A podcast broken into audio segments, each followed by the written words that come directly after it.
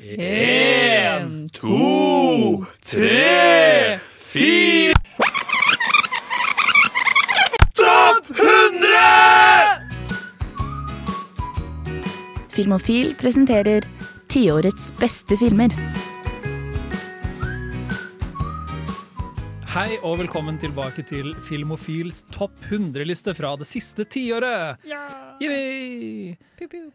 Med meg i studio for å gå gjennom lista er selvfølgelig Henning. Og Jenny! jeg er Jaran, og jeg skal lede dere gjennom de neste plasseringene på lista. Vi begynner der vi slapp forrige gang, nemlig med 39. plass. Og der finner vi en animasjonsfilm, uh, nemlig Tangled, Ja. fra Mhm. Disney Uh, Studios. Enda en film som den er her fordi den er søt. Jo, Ikke første, og det blir vel neppe siste. Nei, jeg tror ikke det. Men Tangled er jo også et sånn Disney gjorde jo et skifte som var litt trist, egentlig. og Det var at de kuttet ut uh, Rett rundt dette tiåret så kuttet de ut uh, håndtegnet animasjon fullstendig. Ja. Og ikke bare over til Men det var jo ikke etter Tangled, før Tangled? Nei, det var, jo, det var før Tangled. Ja. Det var Prinsessen Frosken var den siste håndtegnede. Oh, ja, ok. Mm. Og Tangled var ikke den første animerte, tror jeg, som Disney gjorde. Jeg husker ikke. Men det var i hvert fall den hvor de virkelig fant uh, stilen sin, føler jeg. Det er den gjorde- som preger Disney nå, i hvert fall. Mm. Tangled, Du trenger bare se på plakaten, egentlig, så er det sånn, du ser at Frozen og alt sammen passer inn i liksom den Yep. Templaten, den Mm. stilen. Mm. Men uh, hva handler egentlig Tangled om? Eller Den- To på rømmen, som det heter på norsk. Det, er så, det er så dårlig oversettelse. Men de er jo to på rømmen, da. Men eh, ja, fordi den starter, eller den handler om Det starter med at det er liksom et kongehus, og så eh, finner man ut at kongen og dronningen de har mistet datteren sin, eller prinsessen, da. Hater når det skjer. Ja, hater når de mister barnet sitt. Eh, men hun blir stjålet av en Hun blir stjålet av en slags ond heks som tar henne med opp eh, tar, Som kidnapper henne, basically, fordi hun, eh, prinsessen har magiske krefter med håret sitt. Mm. Uh, som er at uh, hvis man tar på håret hennes og synger, eller grer det og synger, så kan man bli ung. Og denne heksa hun er sånn Å, det vil jeg Gotta get me some of that. Og så, That's magical hair. ja, og så prøver hun å klippe det av, men så finner hun at nei, det går ikke, for da blir håret umagisk. Så da bare kidnapper hun selve prinsessa. Og så stikker de av til et tårn. Og ja, Rapunsel, egentlig. Ja, for det er det det er. Det er er Rapunzel-historien. Bare med den ekstra Med- tvisten at håret er magisk. Ja. For jeg tror i, i den gamle Rapunsel-historien så er det bare sånn megalangt hår. Yep. Altså, altså, Det er jo det Ja, som er så, greia så her. fletta da, hun et tau av det, så flykta hun fra tårnet. ja, men det skjer masse annet greier, og han prinsen blir blind, og det er masse sånn ing- alle de magiske eventyrene, når du går tilbake og sjekker de originale versjonene, måte, så er de skikkelig dystre Ja, ja. og grusomme. H.C. Andersen, liksom. Mm. Havfruen, for eksempel. Hun kappa av seg beina, eller hva det er for noe, fordi hun ikke vil være ei havfrue. Ja. Det er kanskje greit at de oppdaterte det litt. ja. Jeg syns det, jeg syns det funker greit, det er i hvert fall for Tangled. Jeg tror heller ikke i Rapunzel-myten at uh, han har en hest som er kjempemorsom. Han uh, Å. Maximus Ja. Men hva skal man på en måte si om For for meg så er Tangled litt sånn et case for hva Disney-animasjon er blitt nå. Er det, det er bare det den er for deg, på en måte? Mm, Ja, jeg Den er jo søt og morsom, da, men det er den samme historien om prinsesse som istedenfor å liksom passe inn i rollen som de er gitt, må finne ut hvem de er selv, Mm. og så klarer de det ved hjelp av en kjekk ung mann som kanskje er litt sånn røff i kantene, men hun får han liksom til å streite seg litt ut, og han får henne til Heart liksom of gold. ja, ikke sant? Ja, han er en litt sånn en rogue, en sånn Han Solo-aktig karakter. Um, men han er Ja, ja. han er faktisk det. Jeg tror til og med han har sånn Han Solo-aktig vest. Du kan faktisk ta det du sa nå, bare ta det ut, og så presentere det for hvem som helst. Se hvordan film snakker han om. og du kommer til å få 100 forskjellige svar. Ja, det blir jo veldig Særlig sånn uh, standard, da. Men Men det er en veldig rørende film også, fordi jeg gråter hver gang jeg ser denne filmen. Tangled er en sånn film jeg går til hvis det er sånn Nå føler jeg litt Nå, nå har jeg lyst til å gråte, og jeg har lyst til å se noe søtt. Da ser jeg alltid Tangled. når vil du ikke gråte og ikke se noe søtt? Det, Når du vil se Matrix. Yeah. Da ser om Matrix. da ser jeg Matrix 2. ja, Nei, jeg gjør ikke det. Jeg, grå, jeg gråter alltid av Matrix 2, for det er sånn alt potensialet. Bare, bare se det. Bare, det, er sånn, det er som å se barnet ditt vokse opp og bare feile i alt. Hvor gikk jeg galt? Oi, oi. Men det er ikke det Tangled der, da. Og så er det i tillegg til at selve filmen er veldig søt, og den har en den har jo en kjerne basert på at ikke bare at han skal komme og redde henne, på en måte, men hun er litt sånn mer strong and independent woman. På én måte, fordi hun vil jo veldig gjerne prøve å finne ut av hvem hun er, og bla, bla, bla. Og han blir bare på en måte at Å ja, da kan jeg komme meg trygt til slottet. Ha-ha. Great. Og så Fordi hun har på en måte sin egen liten character arc inni der også, med hele den der greia med at moren sender ut tyver for å få henne tilbake igjen og alt mulig sånt. Det er et drama inni der også, rett og slett. Mm. Og for å prate om noe annet som er et drama inni seg også, så tenker jeg vi går videre på lista. Helt til 38. plass. Og der ligger eh, Quentin Tarantinos The Hateful Eight. Tarantinios. Tarantino. Eh, Quarantin- Tarantino. Og Quatro Quattro Tortellini er jo eh, kjent for å liksom velge stil over substans av og til, men uh, Hateful Eight uh, ligger da ganske trygt her. Ja, det vil jeg si. Uh, hans åttende film, det vil jeg det referere til. Og han har lenge snakket om at ingen, ingen filmskapere burde lage flere enn åtte filmer. Jeg tror det var det som Ja, og så Liksom lagde han Once Upon a Time in Hollywood Ja, og sant, ikke sant. beviste at det var litt tilfellet. Nei da, den var god. Den, den var god. Det vil jeg ikke si, men Men ja, historia i den filmen her er eh, masse folk eh, reiser på tvers av en stat inn i, langt inn i USA. Husker ikke hvor. Altså, en, en stat hvor det blir kaldt, i hvert fall. Nebraska, er det vel. Det, det høres ut som en bra kaldstat. Ja, noe sånt. Eventuelt der Fargo skjer. Ja, er det? det er Minneapolis, tror jeg. Min- Eller Minnes Nei, Minnesota. Minneapolis Jo, er det Fargo er i Minnesota, men jeg vet ikke Men hvor serien skjer kanskje ikke i den til Fargo. Jo, øh, Fargo ja. Nei, Fargo finner ikke bare sted Men OK, nå prater vi om ferdig. I The Hateful Eight så er de en, i en stat hvor det snør på vinteren. Ja, nettopp. Og det er blir snøstorm. midt på vinteren, og folk skal reise på tvers av uh, denne staten for å komme til hit og dit. Og uh, alle har eh, hver sin eh, historie, eh, og det viser seg at flere av de folkene her kjenner hverandre gjennom felles venner, felles fiender, Ja. felles ditt og datt. Og så Eh, blir de på en måte blir- stengt inne på denne hytten. Da. Ja, nettopp. De blir fanga i en snøstorm, eh, og uh, spenninga bygger seg opp imellom de her karakterene. for dette er på en måte et slags sånn, litt sånn kammerspill. Ja, Det kunne gjort seg som et skuespill, nesten, fordi alt finner egentlig Mm. sted på en scene i, i hytta. Det er faktisk veldig sant. Ja, det jo. kunne passe veldig bra på teater. Jeg, jeg følte det når jeg så den, at til tider så var det sånn, særlig hvis kameraet trakk seg litt tilbake, og vi fikk på en måte se hele hytta, Mm. Og fikk se liksom hele scenen, så var det sånn, ok, alle, alle, alle spillerne er på en måte satt ut som et, i et skuespill, og så skal de interagere med hverandre. Mm. Ting skjer litt her på scenen, så skjer litt der. Um, Kurt Russell er en sånn uh, dusørjeger, Mhm. og han har, det er på en måte det som er det utløsende eller sentrale biten av det som driver det litt frem, er at han har med seg en dusør i form av um, Jennifer Jason Lee, Ja, Ja. det tror jeg. som han skal uh, liksom frakte, og så må han overvintre i den hytta sammen med en tidligere nordstatsgeneral som er sort, en tidligere sørstatsgeneral um, og en annen sånn sørstatspatriot. Skikkelig dust. Ja. um, og uh, et par andre sånn uh, Det er en meksikaner der, og det er uh, Mm. Vet dere han? Ikke Mats Mikkelsen, men uh, um, Ja, mm, James Madsen, eller noe sånt. Ja, noe sånt. Han som spilte i Reservoir Dogs, uh, han er- Tarantino, Tarantino fast samarbeidspartner. Madsen, ja, heter han. Ja. Uh, jeg likte den veldig veldig godt når jeg så den første gang, selv om den er utrolig lang Mm. til, til å være et så enkelt uh, måte, konsept. Men den bygges opp veldig bra også, for det er jo eh, spenningen vokser på en måte hele tiden, og så vet man at det er en Tarantino-film, så man vet at det kommer til å skje noe. Og man Mm. gleder seg liksom til det skjer, og når det først skjer, det er veldig bra. Og det er det. det er verdt det. Det er Ja. verdt ventingen. Mitt hovedproblem med filmen er plottvisten som kommer midt i. Uh, hva det er som egentlig foregår der. Ok. Jeg var så skuffet fordi til å være en Tarantino-film så gikk den så rolig frem, og jeg likte det litt.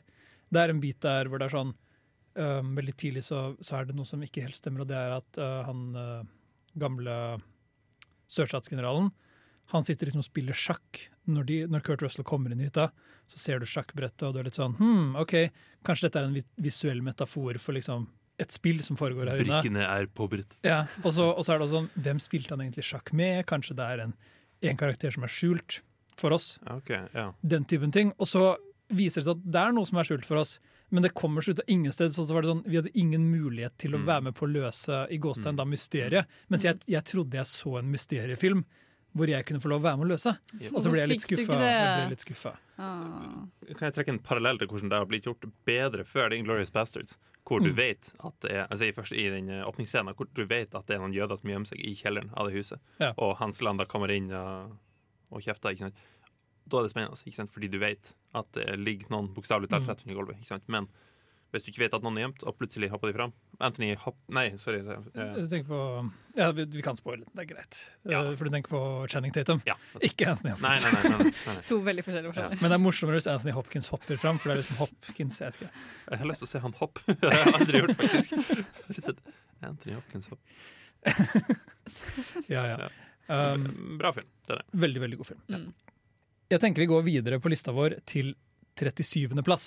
Hei, mitt navn er Atle Antonsen. Du lytter til Filmofil på radio Revolt, og det gjør du helt til programmet er ferdig. Hvor et annet eh, kammermysteriespill ligger, nemlig Knives Out. Ryan Johnsons uh, take på who done it-sjangeren, eller krimsjangeren generelt. da. Men det er litt annet, uh, litt annet mysterium enn i Hateful Eight. Ja. Og strukturert på en veldig annerledes måte også. Fordi Knives Out er mye mer Poirot- Poirot- Poirot-preget, vil jeg si. Ja, Eller Agatha Christie. Alle driver og sier på Rå, men jeg tror bare folk ikke har vært borti nok mysteriebøker til å trekke en bedre bedre det første parallell. jeg tenker på, er alltid på rå. Han er veldig folkekjær, jeg Ja. forstår det. Men jeg føler det er sånn vi, vi, det, er, det er dårlig gjort mot Poirot å sammenligne det med Knives Out, for den så går den ikke, syns jeg. Men den hadde sjarm. Det syns jeg den hadde. Og den, eh, det er Mina som er veldig glad i denne filmen her av oss. Det er derfor den også har kommet veldig høyt på lista. Det som den gjør bra, er at den I hvert fall filmingen er veldig, veldig bra i hele filmen. Som den er, det er gjort kjempebra. Og helt fra starten så får man inntrykk av at hm, dette her kan være en film jeg kan sitte og like veldig godt. Men så utvikler den seg til å være eh, Ikke på en dårlig måte, da, men den utvikler seg til å bli et slags mordmysterium. Hvor det ender opp med at det er en fyr Han som eier et sånt slags herskapshus som han blir introdusert i, han eh, blir drept, eller han blir funnet død. I sitt eh, studium, eller sitt eh, arbeidskontor. Værelse. Sitt værelse, ja. det- Allerede her så begynner liksom filmen å signalisere at den leker med sjangere, fordi han er en krimforfatter. Og så blir en er krimforfatter funnet død, og så er det et mordmysterium. Og det er sånn, ok, vi er i en film som vet hvilken sjanger den er og og er selvrefererende til det. Det er for så vidt Tarantinos film òg, men denne filmen blir mye smøggere. mye mer sånn ha-ha, se på meg. Dette har du ikke sett før. Ja, jeg vet hva jeg driver med. Men ja, det er Daniel Craig. Mm, som Eh, spiller den hoveddetektiven da, som kommer inn og skal liksom Politiet er der, og så sitter på en måte han bare i bakgrunnen mens avhørene foregår, og så plutselig kommer han frem og stiller masse spørsmål, og vi, han skal liksom være det er der, Han er der av en grunn at han liksom har blitt betalt for å komme og løse dette mysteriet da, av en eller annen, pers av Ja. en eller annen mystisk person. Han er en mysterieklient som betalte han for å løse mysteriet før han selv visste om drapet. skjønner du? Mm. Så sånn, Samme dag som nyhetene kom ut, så fikk han en konvolutt hvor det var sånn Du må løse mysteriet. Han bare ha, OK, kult. Så han har, han har både to spørsmål. Hvem drepte um, forfatteren? Og Hvem betalte han? hvem er det som hyrte meg til å løse denne saken? Som visste at livet hans antagelig var i fare. Og det er et ganske bra mysterium, Ja, egentlig. Det er det er ganske gripende. Og så er karaktergalleriet kjempebra.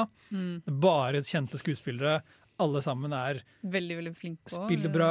Tony Collette er sånn Jeg elsker henne denne rollen. Hun spiller en sånn uh, Sånn Herbal Life Nei, hva heter det? Sånn multi, multilevel marketing-dame oh, ja, ok. som, som er liksom en del på en sånn Jeg klarer ikke å beskrive stereotypen helt, men hun er litt sånn uh, Gwyneth Paltrow. Men når du ser henne så, når du ser henne, så skjønner du veldig godt at ja, hun er en sånn type. Hun sånn, Bare jeg- hun åpner jeg- kjeften sin, så jeg kan være så fri, og hun er sånn ja. Men uh, til tross for at hun virker litt dum og naiv, så er hun også litt sånn kynisk og kald et sted dypt der inne. Da. Så alle karakterene har liksom to lag. Mm. Uh, men det som skjer veldig fort, og som jeg ikke likte med filmen, det er hvordan den er skrevet. Fordi For det første så er den litt sånn Alle referansene er sånn Ha-ha, se på oss! Vi vet, vi vet at vi Ja, vi er litt meta, ikke sant? Den bryter aldri den fjerde veggen, men den skal konstant liksom blunke til publikum på en sånn måte som er sånn Kan vi ikke bare fortelle en historie? Mm. Og så kan vitsene komme naturlig. Så kan humoren komme fra et sted hvor, hvor jeg føler at jeg kjenner karakterene, istedenfor at vi må si ting som er så smarte hele tiden. Og den andre biten er at veldig tidlig så er det denne fattige innvandrerstuepiken til den avdøde forfatteren. Hun havner både midt i hele greia. Og hun er den eneste der som ikke er rik og privilegert. Og så begynner filmen veldig fort å handle om det. At det er et klasseskille i Amerika i dag. Og jeg er ikke så interessert i det, for jeg, er, jeg, jeg føler at det vet vi allerede. Og filmen hadde kanskje nok med det her mysteriet. Ja. bare, Ja, egentlig. bare være en film, på en måte. Og så begynner filmen å, å skru sitt eget mysterium. Du føler liksom at filmen heller vil handle om det. Så mysteriet tar litt sånn, kommer litt til side. Vi får et svar veldig tidlig. Og så er det sånn, å, det var kanskje litt twisty, men hva skal filmen handle om nå? Og så bruker den 20 minutter på å ikke handle om noen verdens ting. Mm.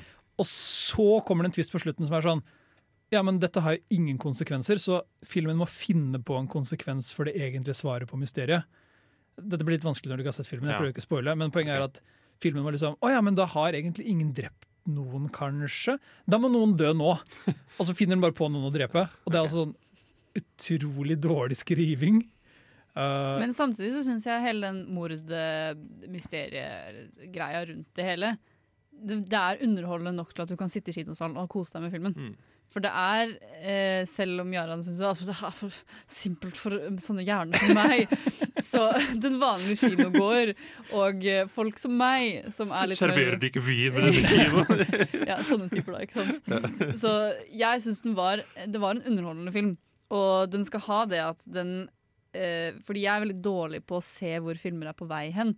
Jeg er den som tar ting til, liksom når filmen er ferdig. Så er det sånn, å ja, ja. Ja, ja. Det var sånn det var. Jeg er veldig sånn, og så for meg så ble det en veldig mye bedre opplevelse av den grunn også, Mm. fordi jeg så jo aldri hvor den skulle gå. Selv om alle var sånn Du så jo at den skulle gå den veien, ikke sant? Det var åpenbart at den skulle gå der, men ja. Jo, men Det er faktisk viktig at av og til så må man kunne legge snobberiet til side og se en film. Og her er jeg kanskje litt skyldig at jeg blir litt sånn kom igjen. Uh, fordi Knives Out er en film som fortjener veldig mye skryt. Ja. Jeg har masse respekt for at Ryan Johnson får lov å lage egne prosjekter som han skriver og regisserer selv, som er basert på originale historier. Ja, men det er sånn, det er kult! Ja. Filming av denne filmen er dritbra. Ser skikkelig nydelig ut. Sett og produk produksjonsdesign er på en måte bare åh, det er Mm. kjempebra. Og alle skuespillerne har det gøy. Og det er, liksom, det er bedre enn veldig mange andre filmer som gikk på kino denne vinteren. Så den er fortjener nok en plass på lista. Ja. Den er jo på lista, så Ja. Jeg tenker vi går videre. Ja. Og da er vi kommet til 36. plass. Plass nummer tre. Seks. Og der er det norsk film! Ja, representasjon. Dette er uh, Hva vil folk si Mm. om denne listeplasseringen? Og den filmen er kanskje ikke så juhu, men Nei, Den er absolutt ikke Juhu. Nei. Nei. den er ikke. Jeg har ikke gleden av å ha sett den, dessverre, så dere får nesten fortelle meg hva den handler om. Jo, det handler om ei jente som vokser opp av eh, altså Hun er andregenerasjons innvandrer, Mm. som det heter. Fra, eh, av foreldre som innvandrer fra et land i Midtøsten som jeg ikke helt husker hva jeg tror Afghanistan I hvert fall et eller annet land i Midtøsten. um, når hun blir ferska av faren sin i lag med en kjæreste, eh, så blir han fly, fly, fly forbanna. De er fra Pakistan. Pakistan, ja. Ok. Så blir han fly forbanna, eh, og han eh, vil eh, belære henne. Så han, eh, han sender henne til familien sin i Pakistan. Mm. Eh, altså han, hans søsken og hans foreldre og øvrig familie. Til å bo der til hun har lært seg å være skikkelig. Mm. Eh, altså ikke Så hun blir bare liksom tvangssendt tvangssendt Ja. tilbake til ja. Kidnapping er vel uh, Det milde ordet for det her. ja, Eller ikke milde, da, men nei, det nei, liksom- det, det, det faktiske ordet, egentlig. Å bli kidnappa av det sin gjør. egen familie og sendt til utlandet.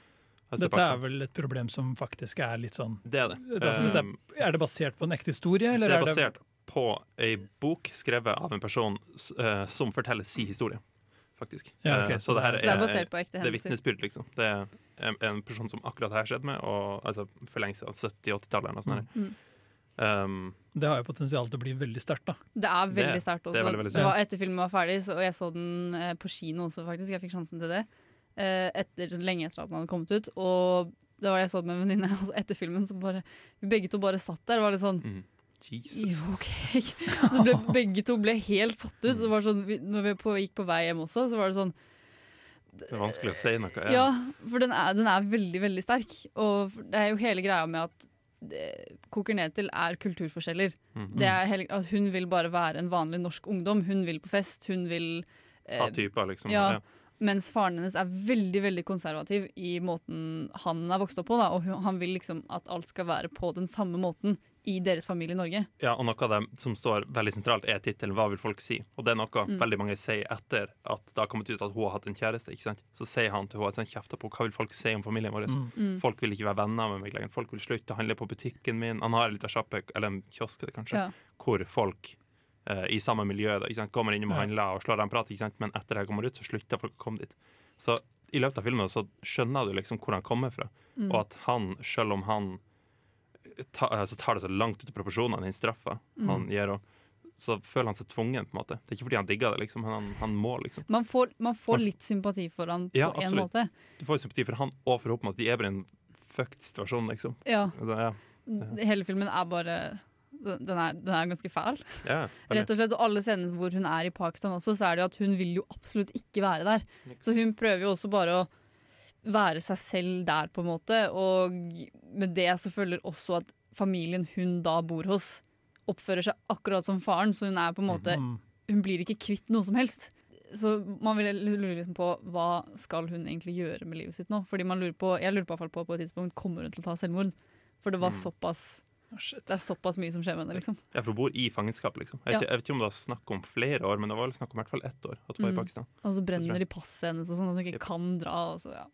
I løpet av noen få dager liksom, så Ja. driver hun og snakka med dem liksom at hei, hei Det er litt kleint, egentlig, men jeg har egentlig ikke lyst til å være her. Faren min sa kanskje at jeg ville ha kommet hit, men eh, Ja. jeg er ikke her, jeg er frivillig, liksom, så jeg vil eh, jeg har lyst til å fære hjem, egentlig. Og så er den veldig bra filma, hennes. den er veldig bra filma, og den er veldig bra, veldig bra skrevet. Og Mm. skuespill også Mm, er veldig veldig bra. absolutt. Det er en veldig veldig verdig film å ha på denne listen, og alle burde se den. Det er en veldig jeg- viktig ja, film. Jeg merker jeg får lyst til å sjekke den ut. Jeg er veldig, eller jeg er ikke jeg glad i det, men det er alltid når du ser filmer som har den der wow, du får lufta slått litt ut av deg på slutten, det, Mm. det er alltid en sånn Det er- det er merket på en god film, Ja. mener jeg i hvert fall. Og sånne filmer, akkurat det temaet der har liksom potensial til å bli veldig kontroversiell. Men jeg Mm. tror akkurat den her har vært veldig veldig godt mottatt. Og det var, den gjorde det veldig bra på kino. Den var Oscar-kandidaten til Norge også, tror jeg, det året. Og nå er den på 36.-plass på Ja. vår tiårsliste, så den har virkelig gjort det stort. Ja. Jeg tenker vi skal få høre hva som er på 35.-plass etter disse beskjedene fra vår sponsor. For et program i burra med både klasse og stil. Du hører på Filmofil. Jeg tenker vi bare um, hopper rett inn i 35.-plass, ja. Så hvor det ligger en, i hvert fall en ikke-amerikansk film. Det er alltid gøy å se at de kommer litt høyt opp. Det er nemlig Raw, eller som det heter på fransk, Rød. Det heter faktisk Grav på fransk. Grav. Grav. Det er en- G-R-A-V-E. Det er en fransk film? Ja, Ja, Det er er fransk film. Absolutt. Fransk punktum, ikke noe kanadisk B. Dette er, dette er ren fransk film, udestillert. Og udestillert er vel egentlig kolonidritt. et ganske bra ord for den, for den er, Ja. den er rå. Sånn, den virkelig Jo, men den, den føles Den er ordentlig brutal, og en sånn, det er en opplevelse. Jeg tror dette er en film som Jeg er i hvert fall veldig glad for at jeg så på kino. Jeg vet ikke med deg, Henning. Jo, absolutt. Særlig med tanke på musikken. Det kan jeg kanskje komme tilbake på senere. Jeg har kanskje ikke så mye å se musikken. jeg tenker. Nei, men Eh, Lyddesignet er veldig sånn sterkt. Ja, det, ja, det hjelper at, uh, det hjelper at liksom du får alle de lydene. Alle det, sånn. Og det er en ting som skrekkfilm ofte er veldig god på, for dette er på en måte en skrekkfilm. Eh, Ja, den faller bitte litt i den sjangeren. Det, det, blir liksom, det er ikke et rent drama, det er jo en, en slags sånn, det er en ekstrem Ja. film med veldig mye spenning. Og det er den, uh, at lyden av alle sånne små ting, små bevegelser, blir så høye og sånn. Mm. Sånn som kløing. Kløing, Tygging, tygging, sånn. biting, Mm. svelging. Og det er så ubehagelig. Ja. Oh. Mm, men det er noe med at du virkelig skal føle de, de sanseopplevelsene. ja. Og en god lyddesigner vet å fremme akkurat de lydene. Historia i denne filmen her er en student som jeg ikke husker navnet på, ei jente. Hovedpersonen hun eh, skal begynne å studere veterinær eller biologi. et eller annet sånt. Du skal på- gå veterinærstudiet med det. Det var det, stemmer. Og så er det eh, sånn uh, Ja, så er det opptaksprøve. på en måte linjeforeningsopptak, linjeforeningsopptak, da, hvis du kan kalle det det. Uh, det er ikke helt det samme, men Nei. Uh, familien hennes har vært strengt vegansk i hele livet hennes, og mange år for det sikkert. Eh, men eh, under det her linjeforeningsopptaksgreia så blir hun eh, bedt om å ta en shot og spise ei kaninnyre, tror jeg det er. Som ligger på sånne her glass med formaldehyd eller noe sånt ekle greier. Ja, det er på en måte Det er ekkelt, men ja ja. Du kan se deg selv i, i, Også når de filmer det, så er det sånn Du kan se deg selv i den situasjonen og være sånn Alle andre gjør det, og fuck it, jeg bare tar den. Ja, ja, det, det var, kaniner er små, liksom. Mm. Det, ja, ja, liksom. Det er litt nasty, men Men det, det, var, det ble litt sånn ubehagelig rundt at hun sa nei. liksom, Bare kom igjen, bare gjør det. Så kommer Mm. søstera hennes som har studert noen år før hun og sier at nei, nei, alle har gjort det, bla, bla, slapp av. Mm. Uh, så gjør hun det, og det viser seg å utløse uh, noe i henne, da. Som Mm. hun ikke helt vet hvordan hun eh, skal eh, håndtere. Ja, det skjer på en måte en, en forandring i henne. Vi blir ikke så godt kjent med det tidlig i filmen, men du merker at liksom hun, hun begynner å endre seg, ikke fysisk, men litt sånn som psykisk, og så begynner hun å få en del sånne en trang etter kjøtt, rett og slett. Ja. Som er sånn, Først så tenkte jeg at dette var Det høres veldig Ja. veldig slokk ut. Jeg tenkte det var, jeg, tenkte, jeg, jeg, ja, jeg trodde litt en periode var kanskje at dette skulle bli sånn komedie. skjønner yeah. du? For det er sånn, ja. ah, Veganere er bare liksom super repressed. Ja, ja. Og så er det ett kjøttstykke som skal til til at det blir sånn super Å, jeg trenger å liksom Jeg begynner å få eh, lange tenner, liksom. Jeg trenger å få spise alt det kjøttet jeg ikke har spist opp til nå! Mm. Men uh, det viser seg at det er på en måte ikke det heller, da, for det begynner å handle litt om familien hennes. Søstera hennes, som Henning nevnte, som også går på studiet. Her er det sånn, Hvor mye klarer vi å prate om filmen uten å spoile den? Ja. Fordi de sterkeste øyeblikkene er best når de kommer litt sånn Oi, wow! Jeg, tro, jeg ventet på alltid på at den skulle bli mer ekstrem enn det den ble. Men den ja, men den gikk fortsatt langt nok. ja, for filmen er veldig god til å ta de litt sånn småting. Vi kan si det, det er en bit der hun spiser uh, rå kylling. Ja. Og det er på en måte Det er ekkelt, men Og så får hun ikke salmonella. Kanskje hun fikk det etter filmen, jeg vet ikke. So what. Men, det er, men det, er liksom, det er ekkelt, men det er jo ikke ekstremt sammenlignet med en del andre Nei, nei. filmer vi har hatt på lista her. Men det er bare så, det er så utrolig ekkelt når hun gjør det i Mhm. filmen. Og det, er så- æsj! Og det har litt med lyddesign og filming og yep. Og særlig hvis man regi å gjøre. spiser i noe sånn rått, og så hører man den der Ikke Ja, de er knaselyden, men den der de muskelfibrene Så liksom de hverandre. Som du sier, selv, om de, selv om de ikke De er veldig sånn eh, De er veldig forsiktige på en måte i hvor langt de går, men Mm. allikevel så tar de så utrolig godt nøtte av Ja. dit de går. Sånn som en kyllingfilet. De gjør det så jævlig ekkelt.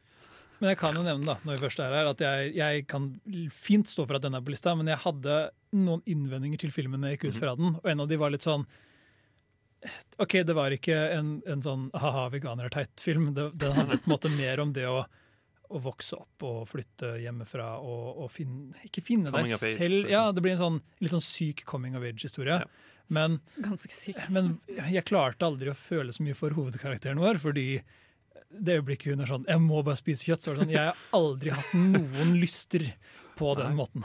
Nei. Jeg kan ikke kjenne meg igjen Jeg kan kjenne meg igjen liksom for film, jeg, Kanskje filmen skulle handle om at hun prøvde å passe inn, men det handla ikke om det. Hun prøver ikke å passe inn i noen gruppe, liksom. Nei, men det er fortsatt jeg som pressa av de to. Ja, ja. Men også, men også handlet det ikke om at hun hadde skyldfølelse fordi hun spiste den nyra.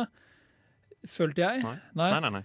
Nei, hun var helt gull med det, egentlig. Hun, eh, Ja, så det spørsmålet var liksom hva, hva skal jeg få ut av filmen, bortsett fra at den var sånn ekkel, og at jeg følte meg ekkel når jeg så på den, på en god måte, absolutt, men allikevel sånn Hva skulle jeg få av den? Jeg, jeg kom ut med litt sånn Det er et par skikkelig bra scener i denne filmen. Mm. Bortsett fra det så sitter jeg liksom ikke igjen med noe. Men noe av det som liksom eh, man vil med film også, er jo bare å skape følelse. At du skal liksom sitte igjen med noe. Da. Det trenger ikke, nødvendigvis, trenger ikke nødvendigvis å handle om noe, men så lenge du sitter igjen Noen ganger så vil man bare liksom lage noe som setter folk helt ut. Ja, ja, Så det er, jo, det er jo kanskje det de ville med filmen òg. Jeg har jo ikke sett den. Den, er, men den, den, den blir litt for artsy til å føles som den bare prøver å være sjokk. Den, Ja. den, den har liksom noe Ja, mer er substans. Den er ikke bare sånn sånn litt rar mellom mellomting, da. Ja, den, den prøver ikke å være spesielt støtende. Du føler aldri støtt. Det er sånn, det at karakteren vår begynner å spise på rått kjøtt, og det er ekkelt, det er liksom Den blir aldri sånn ekkel og skitten når folk har bare blod og gørr i trynet, og, og på en sånn ekkel måte hvor du sitter og tenker «Bæ!» For av og til ser du filmer hvor ting er sånn ja, sånn Bone Tomahawk, liksom. Mm, Ikke, så, ikke så mye Bon Tomahawk, men kanskje mer Golden Glove, en film vi så på Ja. Ramaskrik tidligere. Hvor det er sånn okay. Nå er du bare ekkel for å være ekkel. Ja. Nå har du bare gjort alt superekkelt. ja, det er ikke sånn de prøver å være. Nei, den er liksom ikke Mm. der hvor du føler at filmen bare prøver å grosse deg ut uten, uten grunn. Jeg tenkte liksom Kanskje jeg bare ikke skjønte Raw helt. Kanskje jeg trenger Mm. å se den på nytt. Det er fullt mulig. Kanskje det. Men den fortjente plassen, spør du meg. Ja, den Den fortjente i eh, å være på topp 100 en plass. Og 35 av det vi er på. 35 Ja. er en verdig plassering for Raw. Det synes jeg. Vi skal uh, få høre hva som var hva de andre plassene var på lista her, men ikke akkurat nå. Vi sier takk for denne gang, og så er det bare å like og subscribe. Nei, men vet du hva? Gi oss en anmeldelse på, hvis du hører på podkast. Hvorfor kan du ikke slenge inn en anmeldelse der? Det var God eller dårlig, det har vært kult. Absolutt. Så snakkes vi snart.